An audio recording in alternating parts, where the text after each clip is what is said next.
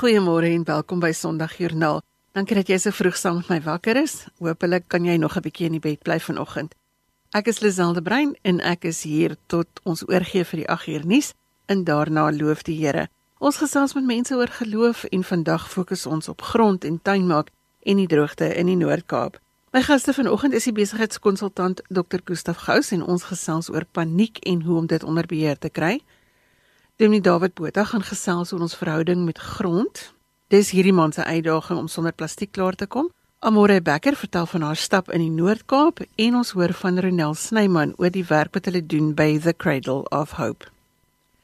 'n Program vol stories oor omgee en daar's ook plek vir jou storie. Jy kan vir ons SMS by 45889.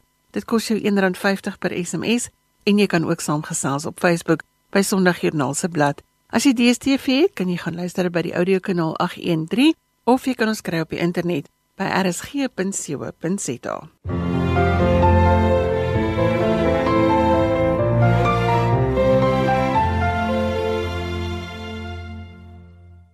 The Cradle of Hope is 'n onafhanklike organisasie vir maatskaplike opheffing en gemeenskapsontwikkeling wat vroue en kinders in nood help en ons gesels met Ronel Snyman oor hulle werk. Goeiemôre Ronel. Goeiemôre Lisel. Vertel ons van julle werk by Cradle of Hope. Wat doen julle? Lisel, ek dink die kort antwoord is dat ons gee om. Ons het heelwat projekte en elkeen se doel is om mense op te hef want ons gee regtig om. En geloof speel 'n baie groot rol in hierdie omgee van ons. Maar ons oordeel niemand op grond van die persoon se verlede of sy ras of geloof nie. Ons hou 'n hand uit en sê in hierdie oomblik is ek hier om jou te help. En party mense help ons met daaglikse brood en sop in ons gemeenskapsvoedingsskema en met ander stap ons 'n lang pad. Byvoorbeeld die kinders in ons gemeenskap primêre skoolkruidel, chokkertjies vir Jesus, as ook die dames in ons House of Restoration en dan ook in die dames in ons one day emergency shelter. Watter rol speel geloof in dit wat julle doen?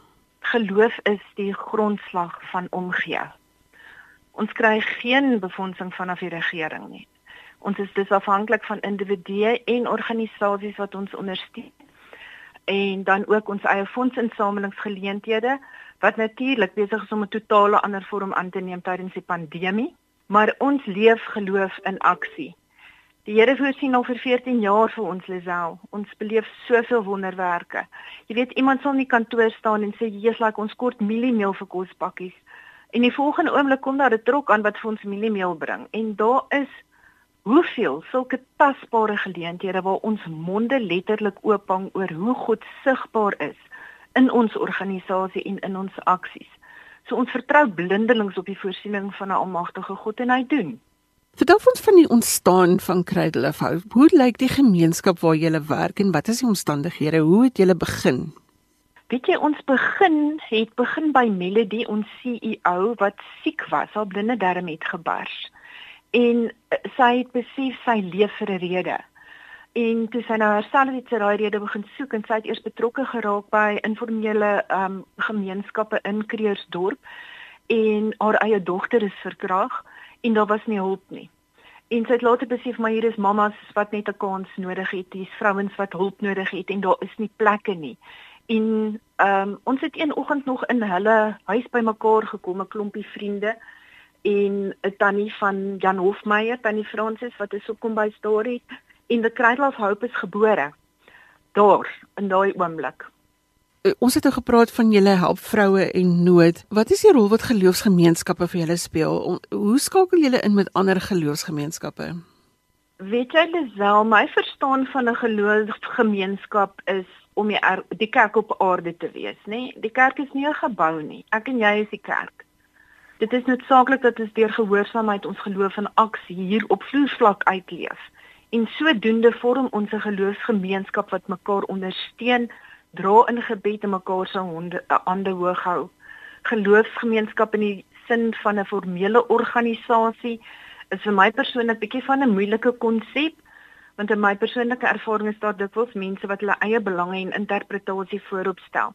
Dan kry ons instellings wat vasgevaar raak in hulle reëls en wette en dogma en ons kom nie by God se hart uit nie. Jy weet ons werk in totale geloof met vandag se brood. Ons gaar nie op nie. Ons stel nie blikkies nie. Mense is vandag honger. Ons vandag nood. Ons kan nie wag vir kerkraadsvergaderings om te besluit ehm um, is daar 'n fonds oor vir 'n brood of 'n trei of 'n kombers nie. Renel, waarvoor is jy dankbaar? Dan moet tog sekerlik uit die werk wat jy doen, moet daar dankbaarheidstories iewers wees wat uit jou omgewing uitkom. Jong, ek is ontsaglik dankbaar vir kosbare liefde in my lewe en daar's soveel mense wat wat so hoë nood daar buite dat ek is net dankbaar dat ek 'n pad kan stap met 'n organisasie wat 'n CEO het wat ons leer van vasbyt en glo en omgee. En dit is my ontsaglike vreugde om te sien hoe mense hulle lewens weer op dreef kry en hooploos verander in hoopvol. En stories kan oek daar's so baie stories, jy's reg. Maar dit gee mens absoluut net 'n totale sin van dankbaarheid vir daai klein goedjies waaroor ons baie keer sommer net loop soos 'n mens wat vir my lief is en jou daaglikse brood vandag. Wat gee vir jou hoop in hierdie situasie waarmee jy werk? Dit is stikkende mense, dis stikkende omgewing, dis 'n stikkende wêreld. Waar vind jy hoop? God se getrouheid, goedheid van mense. Ek beleef op 'n daaglikse basis hoe mense uitreik na mekaar en ek kies om op die goedheid van mense te fokus dit gee my absoluut hoop as mense hulle self vrymaak van hulle eie ego en selfbelang. Dan kan ons tog 'n verskil maak. En so gesels Renel Snyman, sy is van die organisasie Cradle of Hope. Hulle is 'n maatskaplike opheffing en gemeenskapsontwikkeling organisasie wat uitreik na kinders en vroue in nood. Renel, baie dankie vir dit wat julle doen en vir die saamgesels vanoggend. Dankie Lisel. As jy sepas ingeskakel het, dan sê ons goeiemôre die programme Sondag Joernaal en ons praat hier oor geloof elke Sondagoggend. Ek hoop ons kan jou inspireer om vandag dankbaar te wees vir 'n paar dinge. Ons is almal sekerlik dankbaar vir gesondheid en vir die van julle wat siek is, stuur ek baie liefde en lig vanoggend. Laat weet vir ons waarvoor jy dankie sê vanoggend. Die nommer is 45889.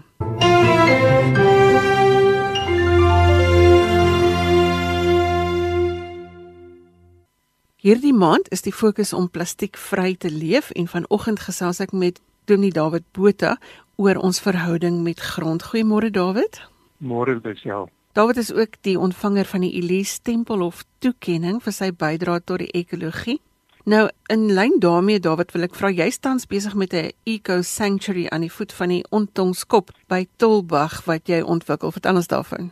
Dis ja, die bediening van heling is nou vir baie jare deel van my lewe al en uh die grootste deel van my bediening was dit maar maar die fokus het 'n uh, uh, uh, aantrekking in my na na daar waar seer is na pyn is en ek is oortuig daarvan dat God veral by die seer by ons is en, en ons om in die pyn ontmoet en uh ons is self God se verteenwoordiger sy hande en en ook haar voete.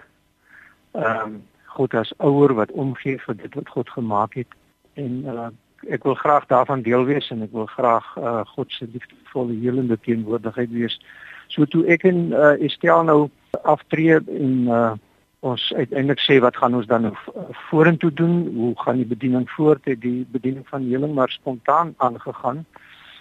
En op die oomblik woon ons hier vir die afgelope amper 6 jaar, bietjie meer as 6 jaar en het ons so 'n stukkie grond, so amper 'n hektaar groot wat uh, ons met bome plant en tuin ontwikkel om alles wat leef en wat behoefte het aan aan liefde en koestering is welkom hier.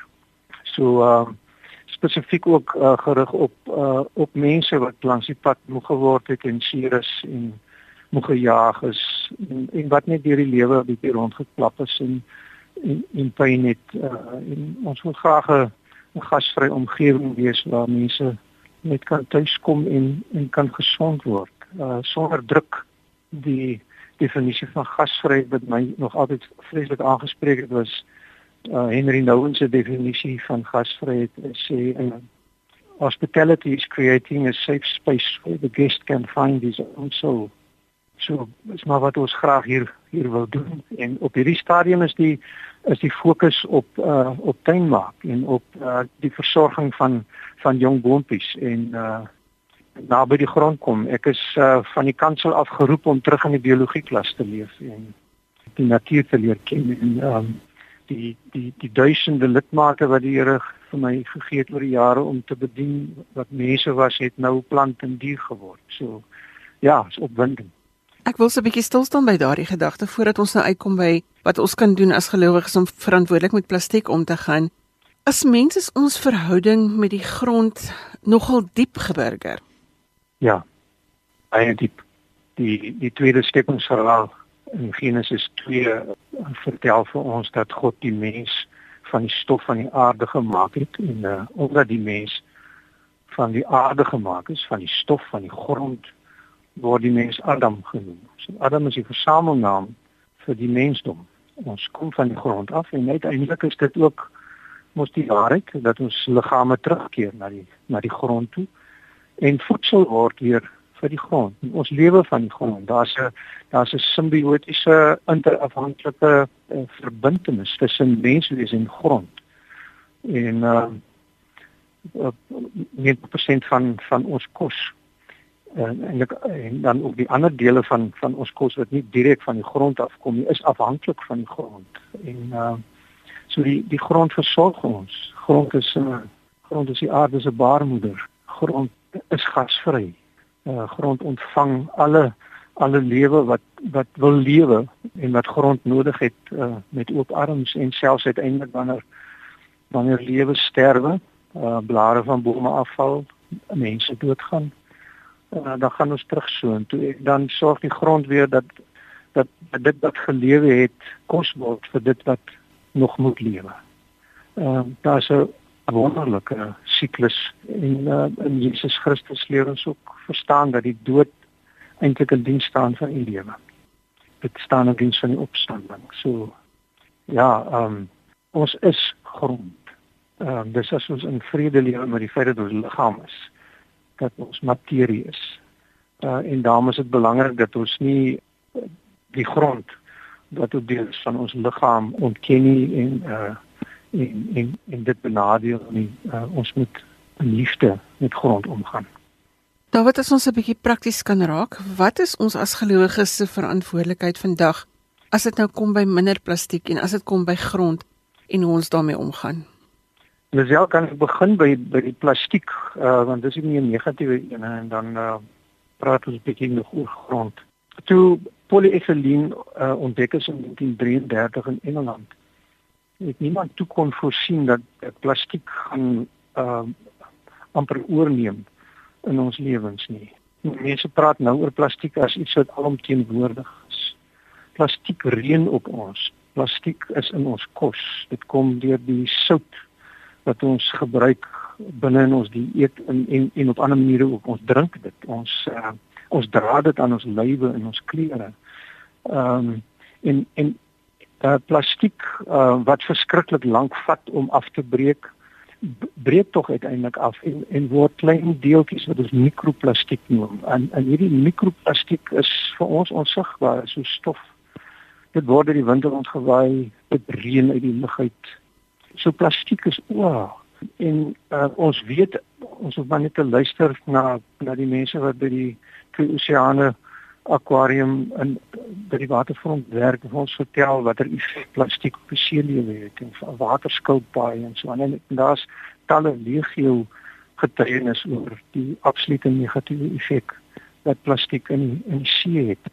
Maar daar's ook navorsing wat mense doen en wat uh, al effens in die rigting dui daarop dat plastiek ehm uh, verbind kan word die die inneem van plastiek en die uh, die kontak met plastiek ook in die menslike liggaam dat veral fetusse en kinders se gesondheid deur plastiek ernstig benadeel kan word. Hulle verbind fetale afwykings en siektes by kinders en ook gedragsafwykings uh al met met plastiek. Nou dis verskriklik moeilik om op en die invloed van plastiek op menslike gesondheid na te vors want in Amerika byvoorbeeld kan hulle glad nie mense kry wat nie plastiek in hulle urine het nie. So wat as 'n kontrolegroep kan dien as met navorsing nie.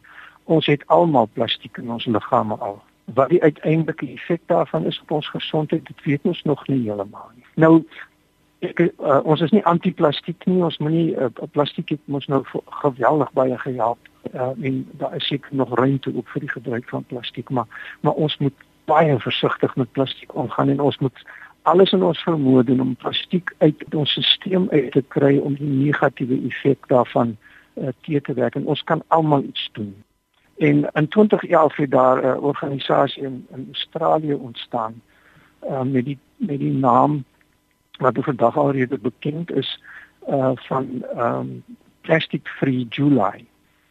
Um en en die beweging is nou maar net om mense in hierdie maand van die jaar bewus te maak van van die noodsaaklikheid daarvan dat ons minder plastiek moet gebruik en veral enkel gebruik plastiek.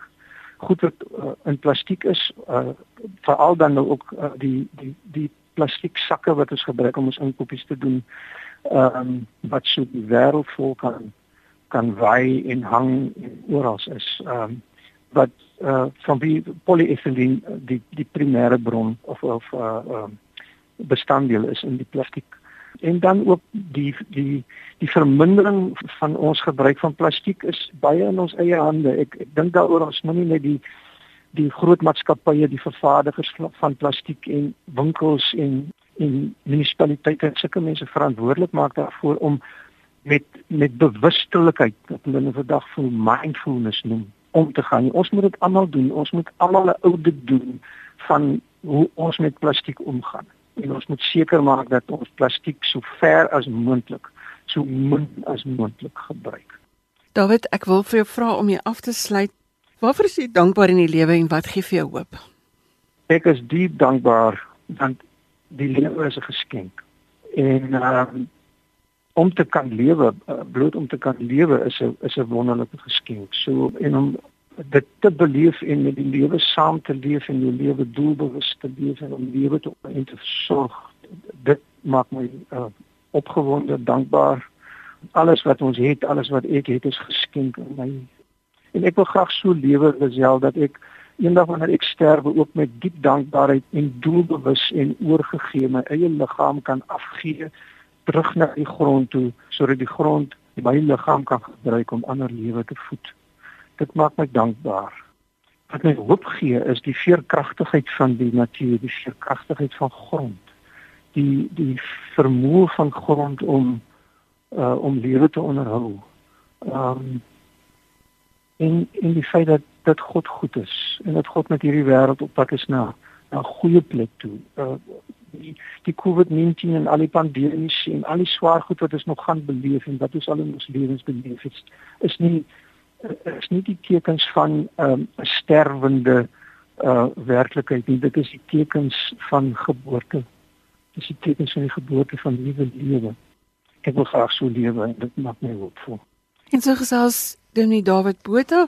Hy is die ontvanger van die Elise Tempel of toekenning vir sy bydrae tot ekologie en iemand wat ook baie lank in die kerk en by die ekologie betrokke was David, miskien is dit sommer nou 'n goeie tyd vir 'n nuwe uitdaging sodat ons almal 'n groentetuin kan begin as 'n gebed vir 'n gesonde aarde, 'n goeie teenvoeter teen die verwoesting vir hierdie virus. Plant iewers iets wat groei en lewe gee. Wat dink jy, David?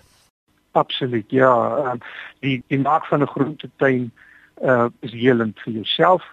Uh dra by tot die aarde se vermoë om koolstofdioksied uit die lug uit te haal en om klimaatsverandering en aardverwarming te te werk Uh, dit is 'n wonderlike manier waarop elkeen van ons persoonlik ons bydrae kan maak. Al is ons grondjie hoe klein. Uh, en as jy in 'n woonstel woon, vat 'n pot of twee potte en en plant net vir jou 'n uh, uh, 'n groente daarin of 'n blom of iets en laat die natuur jou aanraak. Ehm um, dis deel van heling. Dis dis helend om met die grond en met die natuur om te gaan.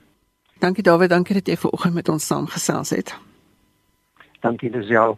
Ek soek fotos en die maklikste daarvoor is Sondagjoernaal se Facebookblad. Laai jou fotos daar. Soos jy 'n groentetuin plant en soos dit vorder. Bly ingeskakel, ons gesels net hierna met Amore Becker oor haar staptog in die Noord-Kaap.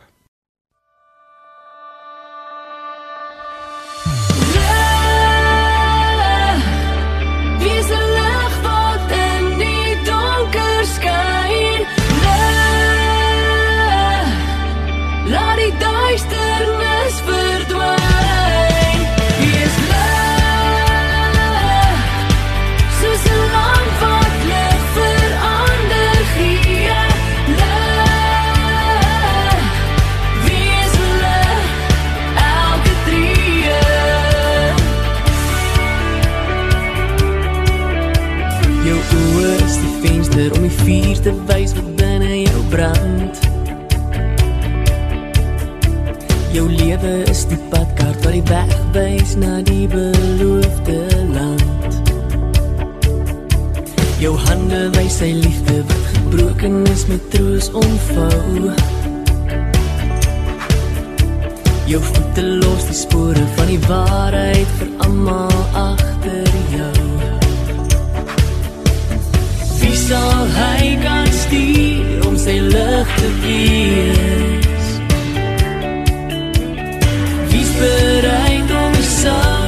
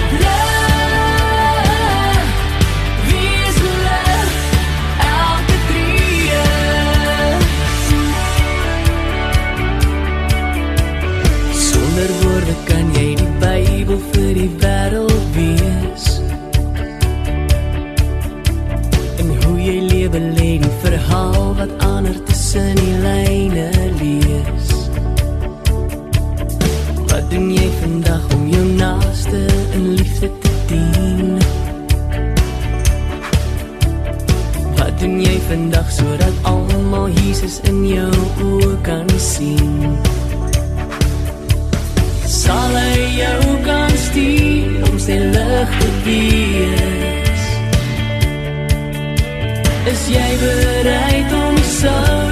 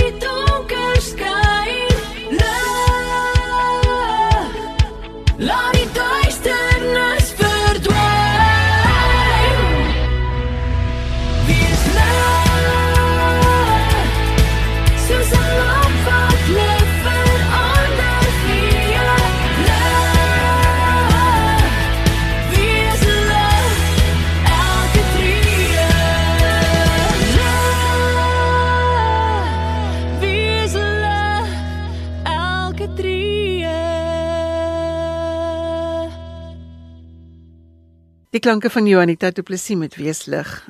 Ek groet jou hier vanuit Kaapstad. Ons kuier nog saam tot en met die 8 uur nuus. Dis behoorlik nat en koud hier by ons, maar ek hoop om jou warm te hou met stories oor geloof van reg oor die land.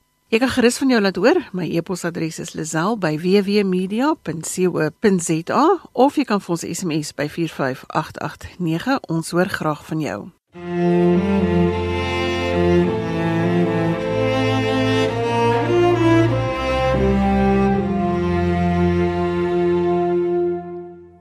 As jy 'n gereelde RSG luisteraar is, dan is Amore Becker nie vir jou 'n vreemdeling nie. Sy is die aanbieder van Allo Becker en vanoggend gesels ons oor haar Rette Plaas projek. Goeiemôre Amore. Goeiemôre Lisel. Ons gesels gereeld oor die voordele van stap in die natuur wees. Jy het jou stapskoene aangetrek vir meer as een rede. Ja, ek het my maand het ek gaan stap met die Rette Plaas projek om bewustheid te skep vir die droogte in die Noord-Kaap. Ek het dit saam met Caritas gedoen. Dit is die liefdadigheidsarm van die Noord-Kaapse Sinode en dan die infrastruktuur is daar geskep deur die Boesmanland Camino span vir die eerste keer wat die Camino span nou daar in die Boesmanland geloop het. So ons het geloop, uh, wag, wat ek liewer so sê, die span het begin by Calvinia, gestap tot by Garries. Dis 314 km. Ek het hier by Kliprand net so mooi hier in die middel, het ek by hulle aangesluit. Hulle 20 tot 25 km 'n dag gestap en ek het 10 km 'n dag gestap. Ek gaan nou nou vir jou sê hoekom ek 10 km 'n dag gestap het. Maar laat ek eers vir jou sê, stap, die stap gogga het my gebyt. Dit is absolute belewenis. Ek dink ons almal in Suid-Afrika moet begin te stap, want jy weet, daar's nie noodwendig beserings by stap betrokke nie. Jy's in die natuur. Dit is veilig as jy so in 'n groep stap en daai hele gemeenskapsgevoel. En veral daar in die Noord-Kaap. Dit is net 'n belewenis om daar te stap. Die vars lug, geen besoedeling. Elke mens stop omtrent langs die pad by jou. Jy hoor hulle storie, hulle wil jou storie hoor. So dit was 'n verrykende ervaring. Jy het met 'n klompie boere gesels wat jy op jou pad teëgekom het. Elkeen met sy eie storie oor die droogte. Wat gebeur met jou geloof as jy so met hierdie stof en hierdie mense kennis maak? Lazel, 'n dominee het eendag vir my gevra: "Hoekom het God ons geskape?" Toe sê ek vir hom: "Man, jy is mos nou die dominee. Wat vra jy vir my? Ek is 'n omroeper. Vertel jy my hoekom het God ons geskape?" Toe sê hy: "God het ons nie geskape om die 10 gebooie te gehoorsaam nie. God het ons geskape want hy wil ons geniet. En hoe meer jy's mos sy kind, man, hoe meer jy jouself geniet, hoe meer jy jou geniet, hoe meer geniet hy jou. So my talente lê by kuier. Ek het 10 km gestap, die ander 20. Ek het 10 km gestap want my talente lê nie so seer by stap nie, al het ek dit baie geniet, maar ek kon 10 'n dag maak en dan in die middag het ek gedink dan kuier ek op die plase. En daar het ek wonderlike oomblikke beleef. Net om vir jou te noem, my eerste Sondag daar toe besluit ek gits man, ek wil hom ek wil hom om 'n tafel sit vandag. Dit was aan naby Kliprand.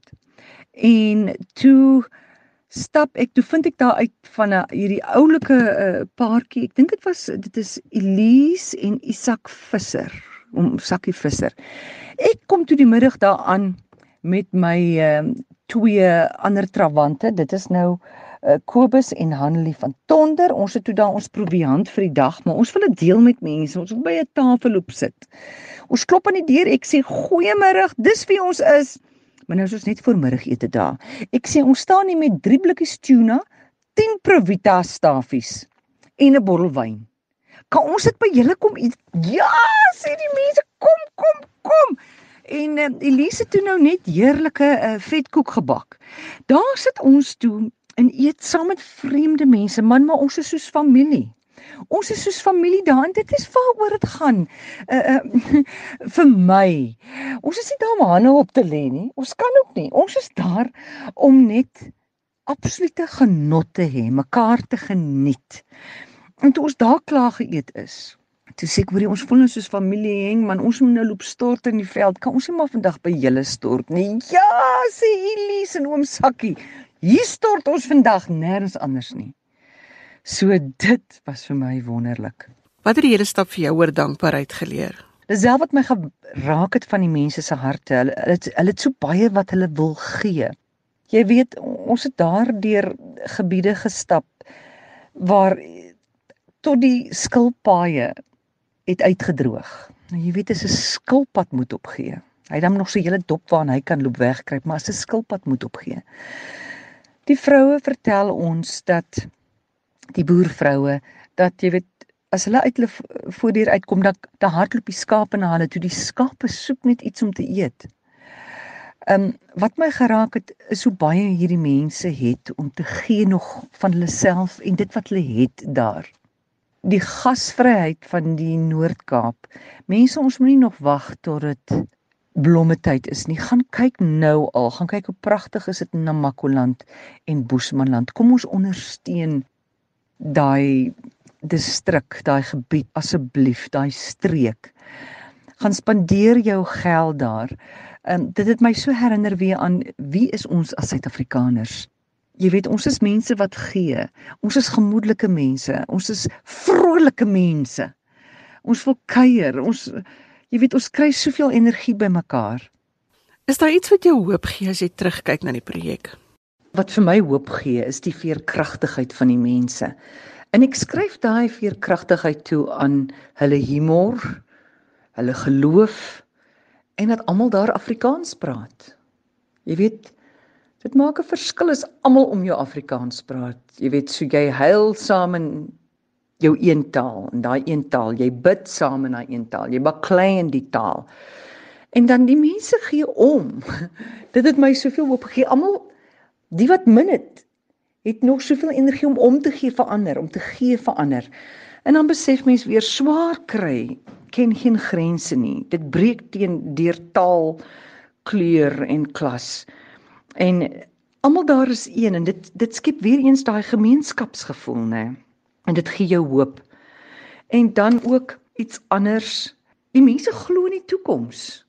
Al het hulle nie idee wat dit vir hulle inhou nie. Hulle glo in die toekoms. Hulle glo in daai dag van môre en dat dit moet beter gaan. En dan iets anders wat ek ook besef het wat vir my hoop gee is dat dit dit vat nie groot goed in die lewe om groot verskil te maak nie. Partykeer vat dit net twee tikkies en twee voete en so kan jy 'n verskil maak. Dis dis daai klein dingetjies wat tel. Jy weet ons tweede laaste dag of was dit nou ons derde laaste dag het ons oor 'n Ons was op 'n pas op pad Garries toe en dit was opdraand en ag dit was koud. Dit was ysig koud en dit het gereën. Jong en ons het gesukkel want daar was 'n wind van voor ook en is grondpad.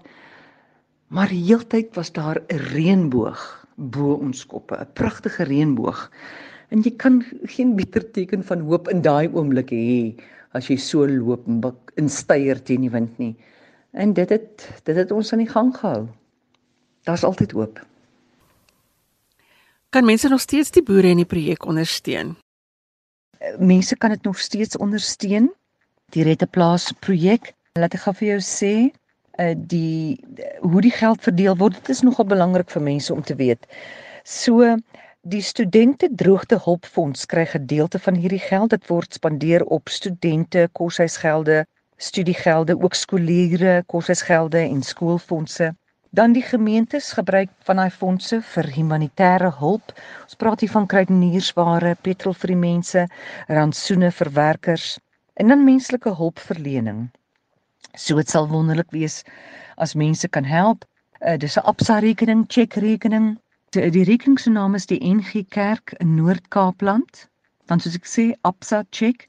Die rekeningnommer is 940 580 684 en dan sit jy daar as verwysing droogte die woord droogte spasie en jou naam. Rekeningnommer weer 940 580 684. As mense nou na my Facebook toe gaan, dit sal ook daar wees al hierdie besonderhede. Ek sê vir jou dankie. Dankie, dankie namens al die boere daar. En as ek sê boere, dis wit en bruin. Dankie aan môre vir die saamgesels en ons hoop dat die boere sommer vinnig ander kant hierdie droogte gaan uitkom. Dankie Lisel vir hierdie geleentheid. Baie liefde.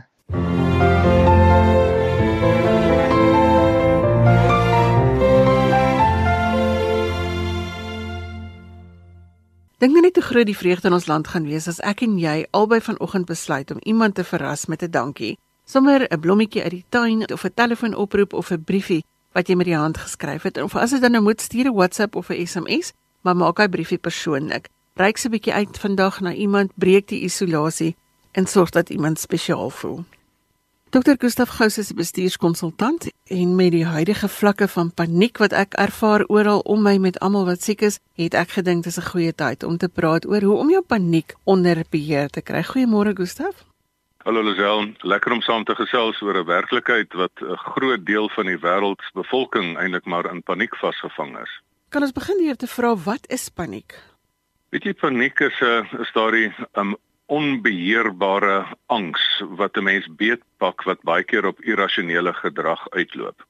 Paniek is daai daai vrees wat jy het dat jy die risiko loop om alles te verloor, jou kosbaarste te verloor, of dit nou jou eie lewe is en of dit nou 'n um, waarde is wat jy weg aan aardse goed of dit aan mense is of 'n plaas wat afbrand voor jou oë of mense wat jy lief is wat voorsiek word wat kan sterf. Um, so ek dink dit is daai ekstreme vrees wat jou beetpak wat dan eintlik maar deel is van die klassieke um, stresrespons wat die mens kry ons het mos maar 'n respons wat ons laat oorleef in die wêreld en daai stresrespons laat jou die gevaar in die oë kyk en dan besluit jy ek gaan of veg of ek gaan vlug of ek gaan vries. Nou mens vind mense in die wêreld in in een van daai posisies van van veg en dan slaan hulle sommer um, per ongeluk die persoon naby hulle of 'n of 'n groep mense is met 'n trop mentaliteit hardloop sommer net in vrees weg. So of mense vlug of hulle veg of hulle vries. En ek dink dit is waar 'n mens mense in verskillende dele van die wêreld hulle aantref. So paniek is die ekstreme vorm van angs wat 'n mens dan onder mense raak sien. Kan 'n mens jou denke beheer om paniek te voorkom of om dit te beheer? Ek dink denke is uiteraard een van die 10 maniere hoe mens eh, dan in paniek uiteindelik kan beheer. Um, maar paniek is juis daarop gegrond, die stresrespons is juis daarop gegrond dat dit jou dat dit jou denke wil uitskakel. Want as jy 'n groot gevaar het wat op jou afkom, as daar 'n groot bus op jou afpyl, dan het jy nie tyd om te dink om te sê hoeveel adrenalien wil ek in my linkerbeen en my regterbeen afgeskei hê om weg te hardloop nie. Dit is asof jou diep in jou brein stam is dit ingeprogrammeer in ons dat jy op daai stadium outomaties, dit werk jy op jou op jou outomatiese senuweestelsel dat jy dan skielik in 'n stresrespons ingaan en totaal geaktiveer word en dan vind daar 'n hele klomp goeters in jou plaas, jou oë word groot, jou asemhaling gaan vinniger, jou spiere span styf om weg te vlug of te veg, jou hart klop vinniger, jou maag um, skei ekstra um, sappe af om meer energie te kry. Um, jou voete word koud en jou hande word koud want jy skrik jou letterlik koud want die bloed gaan van die eindpunte af na jou spiere toe. So hierdie hele klassieke stresrespons is basies die onderliggende basis vir paniek wat jou dan outomaties laat reageer, irrasioneel, met ander woorde jy dink juis nie. Nou een van die dinge is as mense in die hitte van die oomblik sien maar skrik en jy jy wil veg of vlug, is dit in orde. Maar as mense na 18 maande um, nog in paniek sit, dan het jy nou al genoeg tyd gehad om te begin dink so die denke van dat jy letterlik moet reg dink oor die byvoorbeeld 'n bedreiging soos die pandemie is een van die heel belangrikste goeters wat 'n mens kan doen. En ehm um, daardie denke moet jy bestuur. Ek bedoel ehm um, dit is ek dink Romeine 12 selfs wat sê laat God julle verander deur julle denke te vernuwe, dan sal julle doen wat waarop dit aankom. As 'n mens nou in hierdie paniek situasie is, watter rol speel jou asemhaling om jou net weer tot bedaring te bring?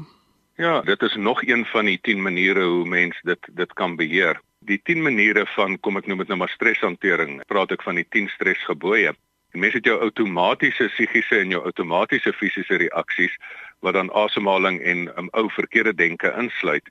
Maar as 'n mens dit dan verander nadat jy anders glo en anders dink en anders voel en anders doen en jou nie net met negatiewe slegte nuus en vrees heeltyd jou gedagtes laai nie, maar met 'n um, jou inname kontroleer en dat jy op die regte manier lag en op die regte manier oefen en op die regte manier eet en die regte manier ontspan dan val jy nie net terug op jou ou maniere van van streshantering wat wat nie gewerk het nie maar dan kry jy vir jou 10 nuwe maniere nou in die ontspanreg gedeelte asemhaling is een van die dinge wat maak dat jy in die stresrespons want jy begin vinniger asemhaal sodat daar meer suurstof by jou spiere kan uitkom want jy wil nou vinniger weghardloop maar dit maak dat sommige mense hiperventileer en ek het dit al met my eie oë gesien in die ou Victoriaanse tyd was daar baie vrouens wat flou geval het.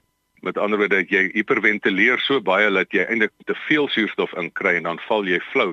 En wat ek baie keer vir mense as ek selfs die paniek om voor mense te praat, party mense vrees om voor mense te praat meer as die dood.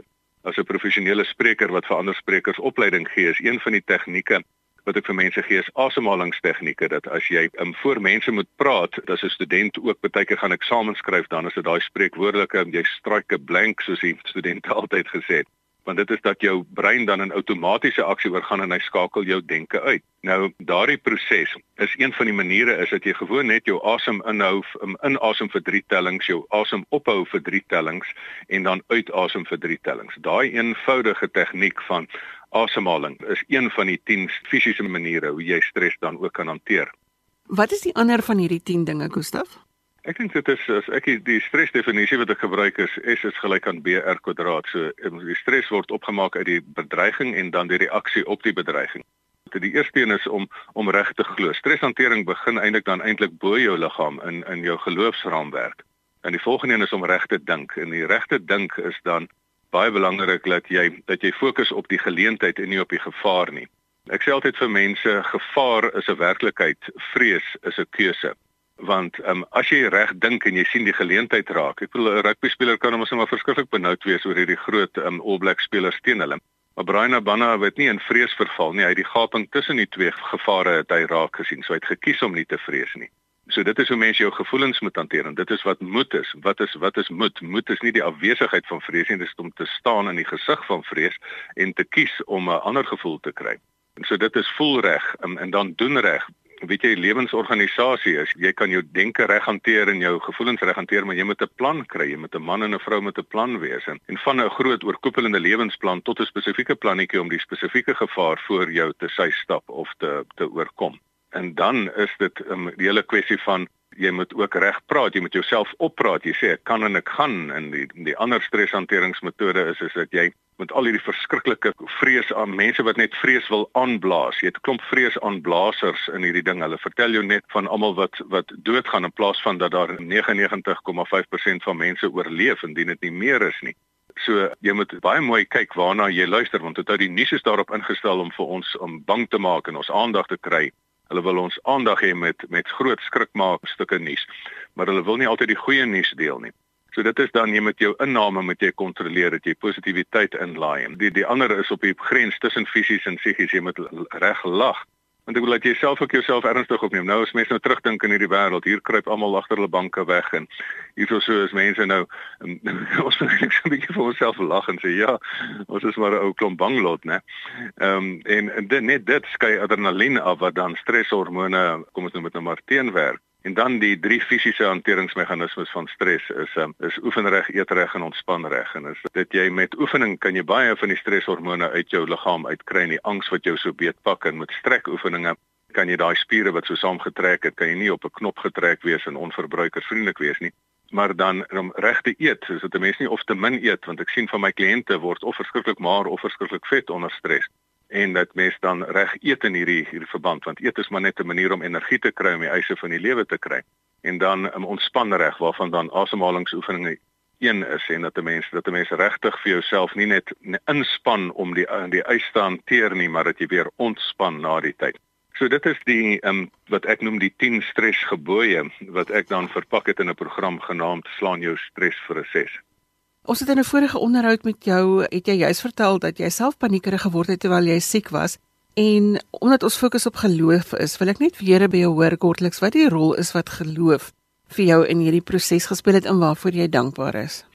Weet jy, ek dink die kern daarvan is streshantering se beginpunt is geloof. Um en dat ek presies toe ek in 'n situasie was wat jy wat ek die ekstreme angs beleef het van dat 'n mens alles kan verloor, jou lewe self kan verloor en die dood in die oë gekyk het, was dit vir my baie ironies dat ek op daai stadium soos ek laas gesê het dat ek my eie beskuit moes eet dat ek al hierdie ou 10 stresgebooie wat ek vir ander mense voorstel moes ek nou self in die hospitaal toepas.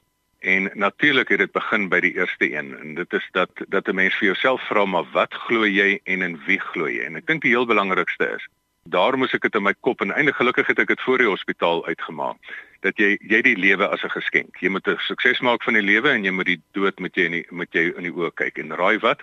Wat is ons almal se kans om dood te gaan? 100%. Ons almal gaan doodgaan. So as jy nie tot jy met jou dood te vergelyking kom nie, dan kan jy nie voluit begin leef nie as jy dit heeltyd vrees. So, ehm um, wat s'e ergste wat kan gebeur? Jy kan doodgaan. Ja, en as jy jou vrees vir die dood verloor het, dan is daar nou mos nou 'n nuwe werklikheid. En dit is in feite wat gebeur, want as jy dan saam met Paulus sê, vir my is die lewe Christus en die sterwe wins. As jy weet die dood is 'n poort, maar en nie die finale woord nie. As jy weet en daar is 'n ander werklikheid wat wat ek met my eie oë die wit lig, die helder lig gesien het en en dit meer as eenmal in my lewe beleef het. Dan weet jy daar's 'n liefdevolle God wat daar is vir jou dan is dit nie net die Here se woord nie, dan is dit sy teenwoordigheid. Weet jy, in paniek is die beste nie woorde vir mense nie, maar om 'n babatjie wat iemand wat bang is, hou iemand vas. En dit is wat die Here met in so 'n situasie met met jou doen. Hy het sy teenwoordigheid vir my in die hospitaal gegee. So, dis nie net wat ek glo dat ek weet daar is die dood is deel van die lewe nie en dat ek omdat ek nou nie meer 'n uh, vrees vir die vir die dood het nie, kan ek voluit lewe. En dit is hoekom ons as gesin voor die tyd en na die tyd vir mekaar gesê het, weet jy, wat is ons enigste raad teen die dood? Jy moet lief hê terwyl jy kan en jy moet voluit lewe terwyl jy kan. Jy moenie verlam wees in vrees nie. En dit is wat angs en paniek so sleg maak dat so 'n groot deel van die wêreldbevolking is verlam in paniek. En ek dink dis in daai opsig wat ek dan net vir mense sê, maar weet jy, jy hoef nie dit te wees nie. Um, Natuurlik gaan ons almal doodgaan. En weet jy, baie keer gaan jy dalk nie van COVID doodgaan nie. Jy gaan van omdat jy met jou selfoon in die kar ry, gaan jy nie fokus nie en kan jy dalk doodgaan. So almal van ons gaan sterf. Maar weet jy, um, nie almal van ons gaan voluit leef nie. En die wat verlam is deur paniek en vrees, leef nie voluit nie. En daarom kies ek om nie te vrees nie. Ek weet ek gaan eendag doodgaan. Weet ek kan nie roekeloos leef nie, maar ek gaan lief hê terwyl ek kan en ek gaan voluit leef terwyl ek kan. En so gesels dokter Gustaf Gous, hy is bestuurskonsultant Gustaf, baie dankie dat jy vanoggend vir ons 'n paar dinge geleer het oor hoe om ons stres te hanteer. 100%. Dis al ons stories vir vanoggend. Dankie aan almal wat saamgesels het. Dr. Gustaf Gous, Amore Becker, Ronel Snyman en Demi David Botha. Jy kan sonder joernaal kry as 'n potgooi op die webwerf by rsg.co.za. Jy kan vir my e-pos stuur as jy jou geloostorie met ons wil deel. My e-posadres is lazel@wwmedia.co.za en ek soek natuurlik ook na almal se dankbaarheidstories. Jy kan my ook kry op Instagram en Facebook by lazel.inspirasie. Sien dat ons nou vanoggend oor grond gepraat het. Kom ons maak soos die blomme en draai altyd son toe. 'n Mens sien die grootheid van die natuur raak as jy ook die groter prentjie rondom jou raak sien. Mag daar 'n bietjie sonskyn in jou lewe wees vandag en onthou jou glimlag kan iemand se wêreld verander. Deel dit vrylik uit vanoggend. Tot volgende Sondag van my Liselde Brein. Totsiens.